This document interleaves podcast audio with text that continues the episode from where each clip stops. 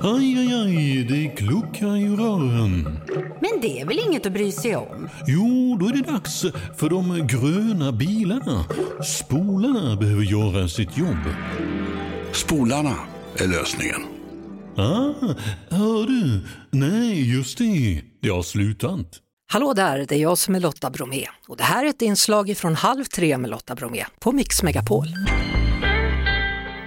Som ni märkt av i veckan så har situationen i Iran eskalerat och detta efter att 22-åriga Masa Amini avled efter att ha gripits av sedlighetspolisen. Nahid Persson, filmare, dokumentärfilmare, hur startade egentligen allt detta?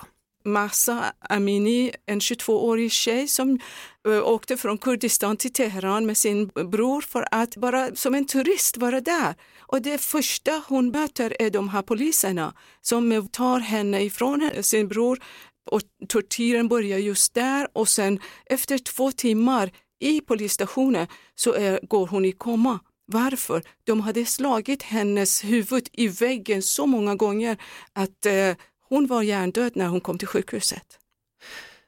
Kan du på ett enkelt sätt förklara för oss som inte vet, vad är en sedlighetspolis? Det är poliser som islamiska regimen har placerat i olika delar av Iran och de eh, påstår att en kvinnas hår kan förstöra för männen. För männen kan bli upphetsade att se en kvinnas kropp så de ska täcka med väldigt stora kläder så att man inte ser formerna och sen inte håret för då förstör man för hela samhället. Så vad hade hon gjort för fel, Massa Amini? Ingenting, hon hade slöja på sig. Men den var, den var inte satt på på rätt sätt säger de, vad menar du? Hennes hår syntes lite grann så de tar henne och tydligen hade hon sagt emot. Hon hade inte varit tyst. Så det är därför hon, hon dog. Du är ju själv då från Iran, kom till Sverige efter revolutionen 79 och har sedan dess följt kvinnor i Iran i bland annat dina dokumentärfilmer. Hur, hur skulle du beskriva kvinnors situation i landet?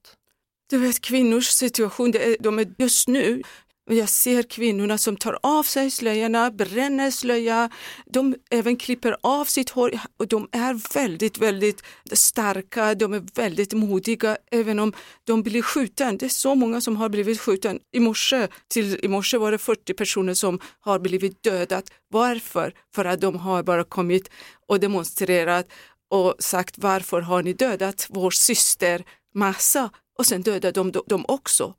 Och sen det som vi är arga, vi iranier är arga, är att västvärlden gör absolut ingenting. Istället för att hjälpa till, istället för att uttala sig att vad håller ni på med, så sätter de på sig slöja. Häromdagen såg jag på 60 minutes att kvinnan sitter framför president eh, Raisi i New York, i sitt eget land som är fritt, sätter på sig slöja för att kunna göra en intervju med den här mördaren. Och Raisi är den som har mördat flest människor i Iran och nu har fått presidentjobbet. Du berättade innan låten att kvinnor har bränt sina sjalar, de har klippt av sig håret. Men är de helt ensamma i protesterna eller protesterar män också och hjälper Abs till? Absolut, nej hela Iran protesterar.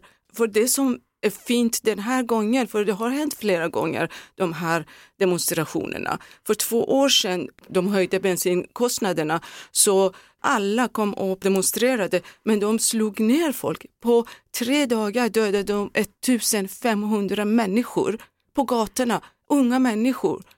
Och sen efter det när föräldrarna självklart reagerar så sitter de också i fängelse nu. Och, och nu den här gången, det som är fint att när den här Massa blev dödad så eh, blev så många män som står bakom som kommer ut och demonstrerar. Först började det med Kurdistan och nu är det hela Iran. Alla är ute och trots att de träffas av beskjutningar så går de fram. Och det som jag känner nu är att vad vi behöver göra, alla, Ann Linde, de andra ministrar som satt på sig slöja, gå och spela in en video, dela det på sociala medier och säga att vi har gjort fel, så här kan ni inte behandla ert folk. Igår så stängde regimen ner internet då, vad betyder det? Det betyder att när de stänger av internet då börjar de skjuta. De vill inte att någon ska skicka videor till andra för att omvärlden ska se. Det är det de håller på med just nu. som du säger då, det här har hänt förr. Är det någonting den här gången som gör att det känns annorlunda? Är det någonting som kan förändras i och med de protesterna som är nu? Vad tror du? Ja, det ser vi det på ett helt annat sätt, för folk vågar mera. Vi har sett att de skjuter människor så blir människor rädda. Tidigare var det så här. Men nu går de fram. De tar tag i en av de här som har vapen och slår ner honom. Och de välter polisens bilar, de bränner bilarna. De säger att man ska inte uppmuntra dem till våld. Men vad ska de göra när de blir skjuten? Så vad vill du ska hända just nu? Jag skulle gärna vilja att andra länder ger mera stöd till iranier, kanske går in med vapen i Iran. På samma sätt som de gjorde med Ukraina. Det kommer folk som säger att vi måste eh, förbjuda det här hijabtvånget, men det handlar inte bara om det här tyget på huvudet. När de tar bort hijaben så tar de bort sin makt. Vi vill att de ska bort. Tack så mycket för att du kom till Halv tre, Nahid Persson. Tack. Fan. Du är förbannad, du blir... Vi behöver dig. Ja. Vi är så ensamma, vi vet inte vad vi ska göra när alla de här makthavarna i andra länder i västvärlden är med regimen. Och då har vi ingen makt. Det går inte att kriga med iranska polisen utan, utan vapen. Ett poddtips från Podplay. I podden Något Kaiko garanterar östgötarna Brutti och jag, Davva, dig en stor dos skratt. Där följer jag pladask för köttätandet igen. Man är lite som en jävla vampyr. Man har fått lite blodsmak och då måste man ha mer. Udda spaningar, fängslande anekdoter och en och annan arg rant. Jag måste ha mitt kaffe på morgonen för annars är jag ingen trevlig människa. Då är du ingen trevlig människa, punkt. Något Kaiko, hör du på Podplay. Därför är gardinerna.